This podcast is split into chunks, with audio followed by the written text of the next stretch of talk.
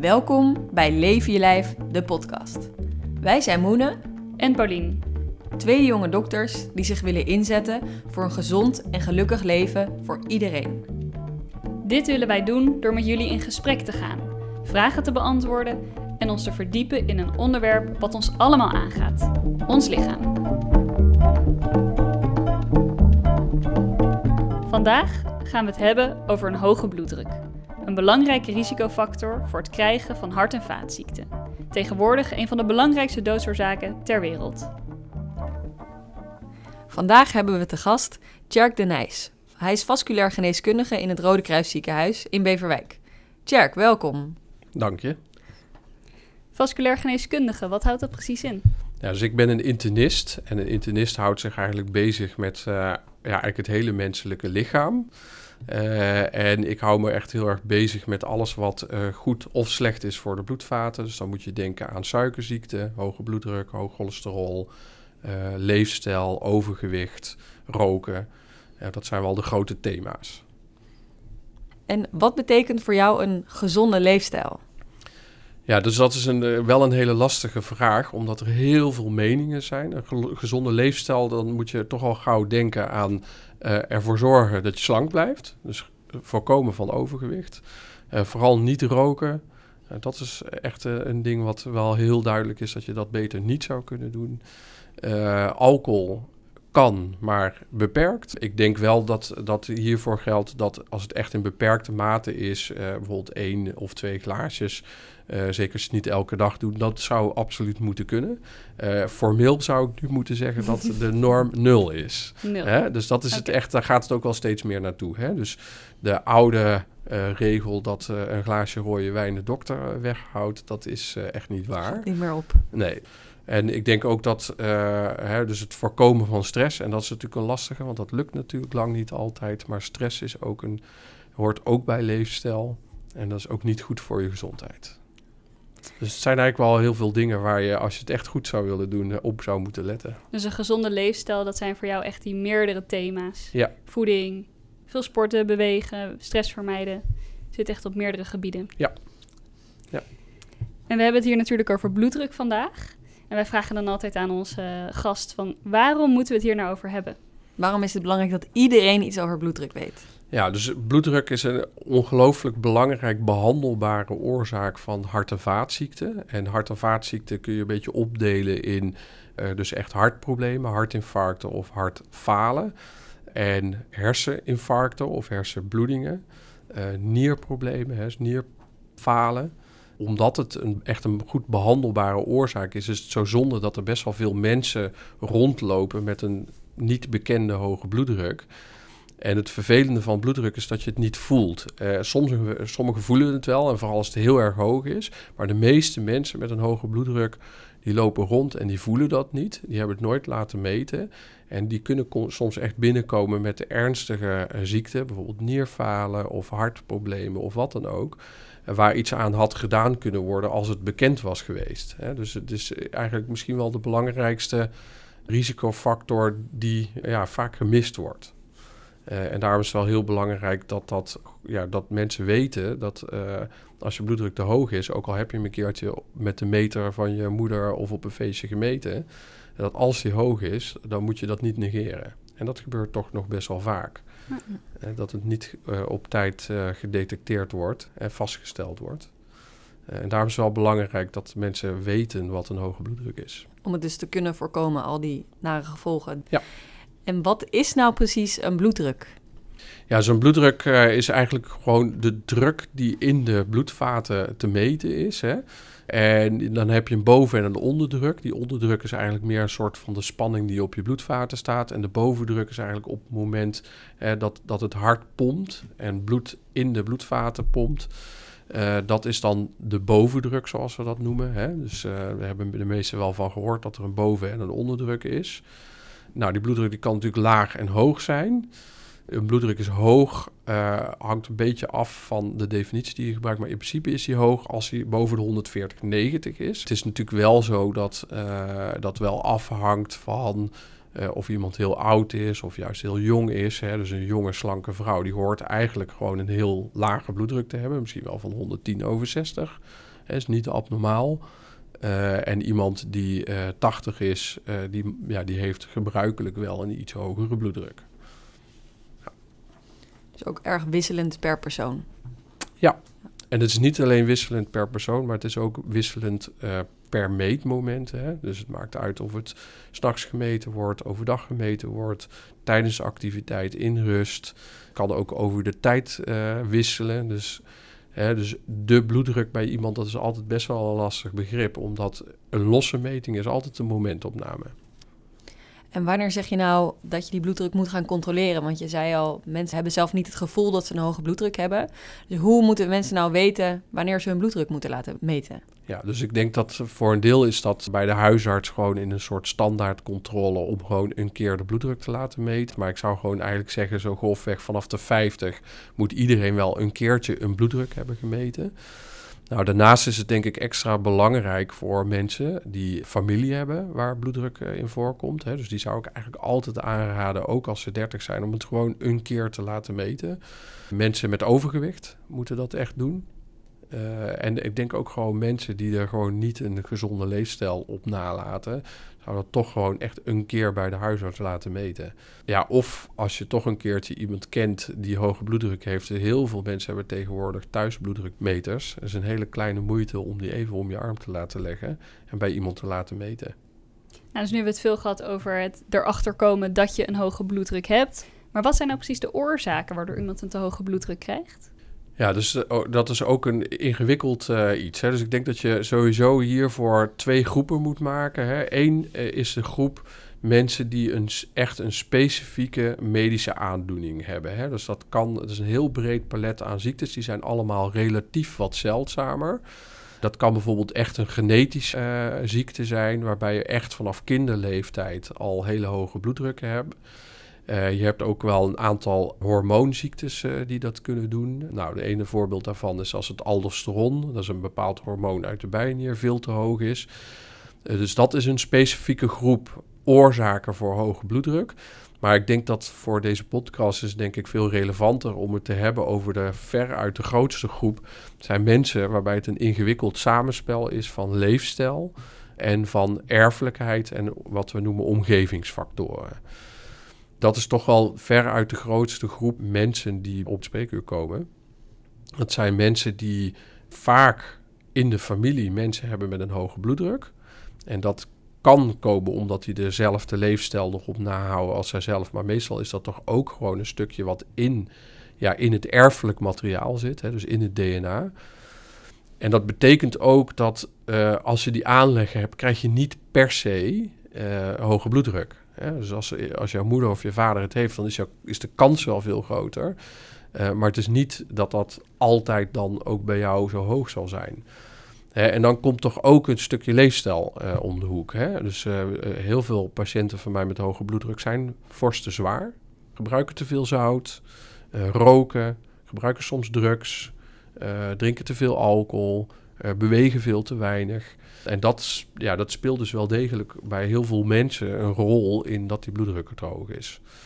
Uh, waarschijnlijk is het ook zo dat ja, sommige omgevingsfactoren noemen we dat dan ook een rol spelen. Hè? Dus dat kan bijvoorbeeld lawaai zijn, vervuiling zijn.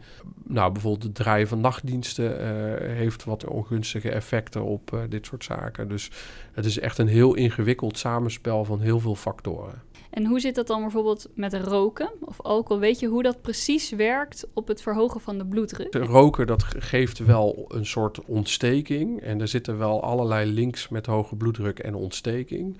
Wat roken overigens daarbij nog wel doet, is echt aderverkalking geven. En als je heel erg verkalkte aders hebt, zoals je dat ook bij bijvoorbeeld reuma of diabetes ziet dan zie je ook dat uh, met name de bovendruk op een gegeven moment heel erg gaat stijgen. Hè. Die bloedvaten die worden eigenlijk een soort van stijf.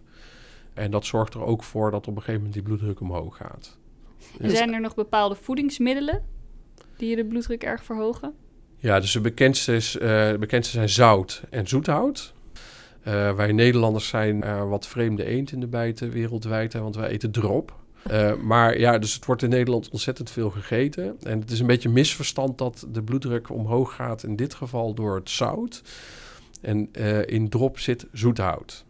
En uh, er zit in zoethout een stofje, dat heet glycerizinezuur. En dat is een stofje wat een soort hormonale werking heeft, waardoor je heel veel zout gaat vasthouden. En zout vasthouden is in principe eigenlijk altijd slecht voor je bloeddruk. Dat kan soms hele, ja, hele ernstige bloeddrukverhogingen geven. dus dat is natuurlijk drop, maar je moet altijd een beetje opletten dat ik heb ook wel eens iemand op mijn poli gehad die bijvoorbeeld drie koppen uh, of drie potten sterrenmix uh, thee per dag dronk. En de enige behandeling die je dan moet adviseren voor de bloeddruk is het stoppen van de, het drinken van die sterrenmix thee, want daar zit ook zoethout in. En dat is echt iemand die met hoge bloeddrukken binnenkomt en dan eigenlijk zonder pillen met een normale bloeddruk naar buiten gaat. Eh, en het kan soms echt heel extreem zijn. We hebben echt ook voorbeelden van mensen die jong zijn, een lage bloeddruk hebben en dan denken laugierdropjes nemen, want het is bloeddrukverhogend. Dat klopt, want daar zit heel erg veel uh, zoethout. Dat is volgens mij zoethoutextract.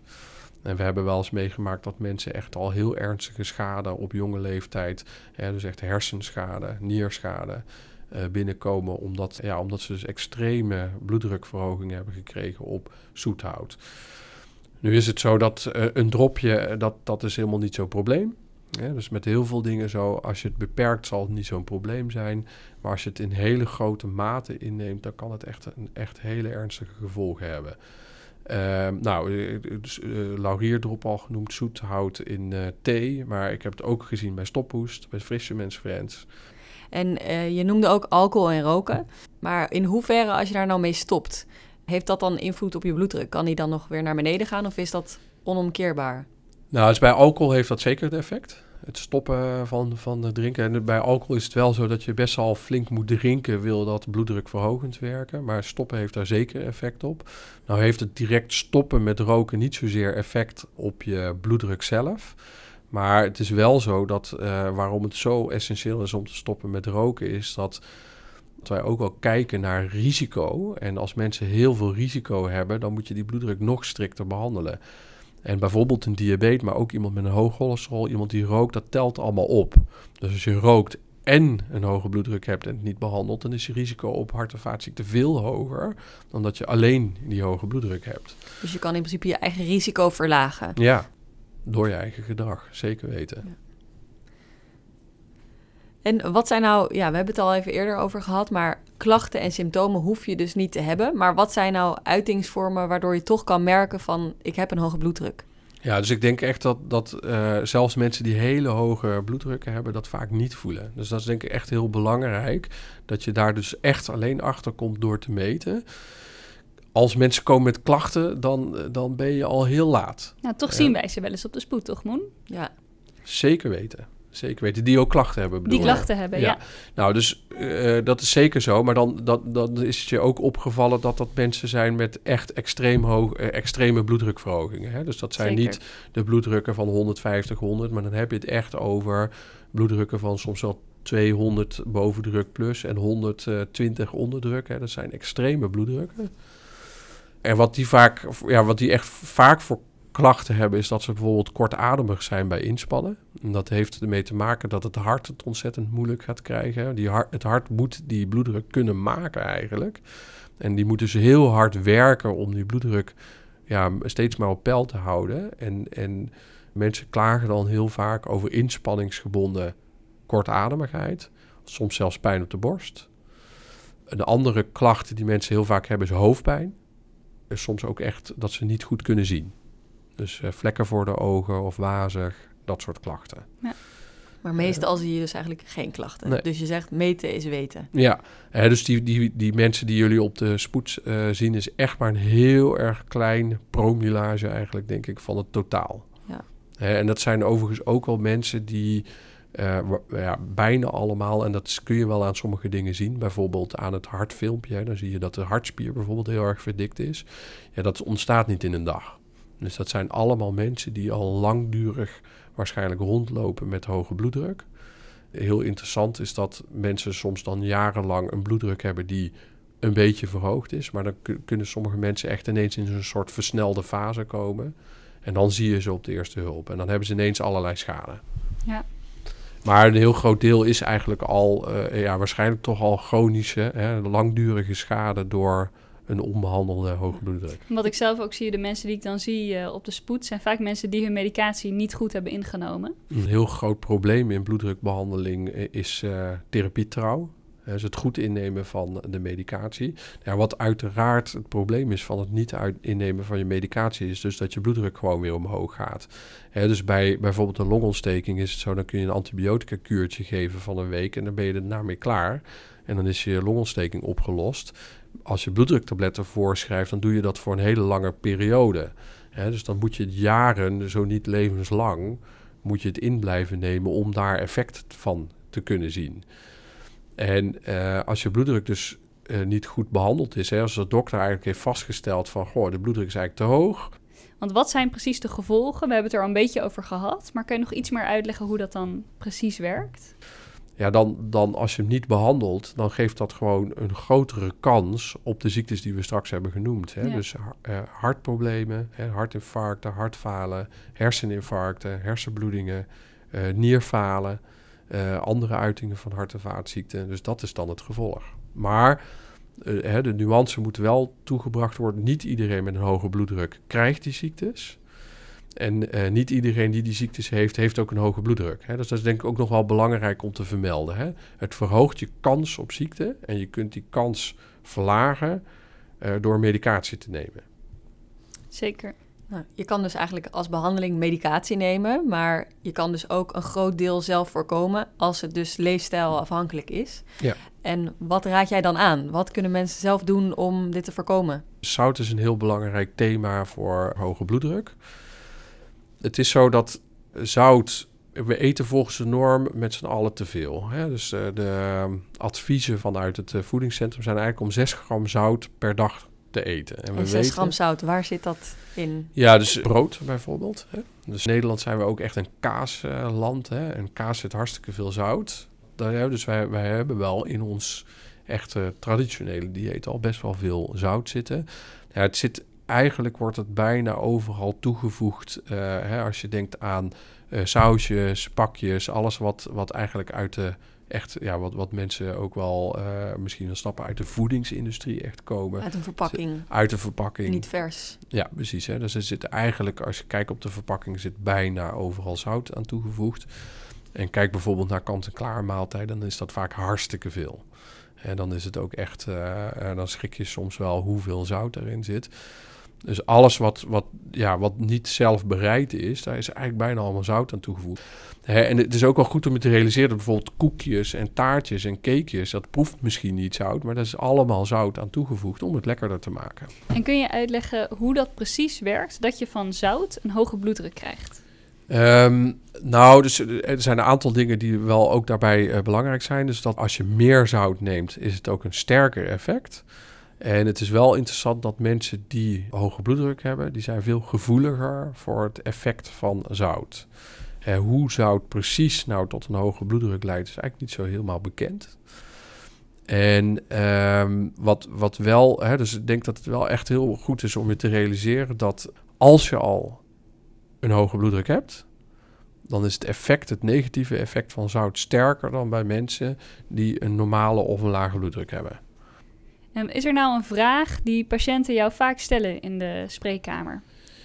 Ja, dus uh, een van de vragen is vaak van hoe komt het nou? Daar heb ik natuurlijk al wel wat, wat uh, over gezegd. Dus heel veel mensen die, die willen natuurlijk het liefst horen van het komt hierdoor en dan kun je dat aan doen. Misschien één tabletje of iets in mijn leefstijl en dan is alles opgelost. Uh, dus dat is een vraag die, vraag die ik heel vaak krijg. Nou ja, en dan is het voor, voor veel mensen best onbevredigend dat ze zo'n uitgebreid antwoord krijgen van ja, het ligt voor een deel aan je erfelijkheid, daar kan je niet zoveel aan doen. Het ligt voor een deel aan je leefstijl. Het ligt eh, voor een deel aan, uh, aan andere factoren. En dat is wel ja, heel moeilijk uit te leggen. Uh, maar dat is een vraag die ik heel vaak krijg. Een andere vraag die ik natuurlijk heel veel krijg, is dat mensen heel vaak willen mensen liever geen medicatie uh, slikken. Nou, ik zal daar heel eerlijk over zijn. Ik wil liever ook geen medicatie slikken. Is het nodig, dan is het nodig. Uh, en ik krijg natuurlijk heel vaak de vraag van, ja, wat kan ik dan doen om, om dan die medicatie niet te hoeven slikken? Hè? En, en de andere vraag is, ja, moet ik dan levenslang slikken? Ja, uh, dus dat, dat zijn wel vragen die ik heel veel krijg. Het kan ook een goede drijfveer voor iemand zijn om dat je die medicatie niet wil slikken om eerst je eigen leefstijl aan te pakken. Zeker, zeker. En, uh, en sommige mensen pakken dat geweldig op. Hè? Dus ik denk ook dat dat een motivatie moet zijn voor mensen als ze die pillen echt niet willen, dat ze op, in ieder geval daaraan beginnen. Ja, en dan moet je kijken van wat het effect daarvan is. En soms valt dat ontzettend mee. En blijkt inderdaad dat mensen gewoon geen pillen nodig hebben. Ja, soms valt het heel erg tegen. En als het, hè, hoe meer het echt in de erfelijkheid zit, hoe meer je toch zal zien dat mensen enorm hun best hebben gedaan met enorme resultaten, maar dat ze toch pillen nodig hebben. Maar ja, het, is, het zou een enorme motivatie moeten zijn, als, zeker als mensen die pillen niet willen, om dat in ieder geval te proberen. De leefstijl omgooien wat verder nog een hele interessante is, is dat als je het over dieet hebt. Kijk, er wordt natuurlijk ontzettend veel geschreven over dieet. Er zijn ongelooflijk veel meningen uh, over welk dieet je nou het meeste afvalt. Nou, ik denk dat puur voor overgewicht is uh, voor de meeste mensen is dat dieet een enorme frustratie. Hè? Dus ze vallen af een beetje van dieet en ze komen weer eigenlijk meer aan dan ze, dan ze deden. Hè? Dus ik wil alle mensen met overgewicht wel een hart onder de riem steken dat het dus klopt dat diëten lang niet altijd werkt en dat dat hartstikke lastig is. En je moet het ook vol blijven houden, hè? dus dat is niet altijd makkelijk. Als je puur naar hoge bloeddruk kijkt, dan is er echt een echt heel goed onderzoek. Waarbij uit blijkt dat het omgooien van je dieet een enorm positief effect kan hebben op je bloeddruk. Zelfs zo dat dat sterker werkt dan welk los pilletje ik ook kan voorschrijven. En het, het onderzoek uh, is, uh, dat heet het DASH-onderzoek. Maar wat ze gedaan hebben, is die uh, mensen echt omgezet. Een, ja, zeg maar wat wij dan beschouwen als een gezond dieet. En eigenlijk is dat een beetje de oude mediterrane keuken met veel fruit. 2 tot 300 gram groente per dag. Alles vers bereid, noten. En als je dan vlees eet, het liefst wit vlees. Hè, dus gevogelte, vis, dat soort zaken. En zout beperkt. En dan zie je dus een bloeddrukdaling die je eigenlijk niet ziet bij de meeste pillen die ik voorschrijf. Leuk, ja, dat is denk ik iets wat we in een andere podcast nog verder zullen bespreken. Over Zeker. processed versus unprocessed food. En wat Ja. je nu beschrijft is heel veel unprocessed food. Absoluut. Ja. Nou, als we dan gaan afsluiten, we hebben echt heel veel informatie gekregen. Dan vragen wij altijd, wat is jouw geheim voor een gezond en gelukkig leven? Een gelukkig leven is natuurlijk veel meer dan alleen maar leefstijl en dat soort dingen. Het is zeker zo dat een goed leven betekent niet alleen maar als een monnik aan de quinoa salades en eh, zonder zout. Zo werkt het gewoon niet. Dus ik heb het geheim helemaal niet. Maar ik denk dat heel veel dingen, zoals bijvoorbeeld roken, mensen denken soms van daar kan ik niet mee stoppen. Eh, mensen merken pas achteraf vaak, als ze gestopt zijn voor een wat langere periode, hoe goed je je kan voelen en hoeveel beter je je voelt als je gestopt bent. Dus als je het hebt over wat is het geheim, denk ik, om je ja, wat beter te voelen, dan zit dat toch wel echt in meer bewegen, gezond eten, stress vermijden. Dus eigenlijk zeg jij, ga het gewoon proberen. Ja, ja, zeker. Nou, duidelijk verhaal. Hoop dingen die mensen kunnen doen om een hoge bloeddruk te voorkomen, denk ik. Dan sluiten we hem af. Dankjewel, Tjerk. Graag gedaan. Dankjewel.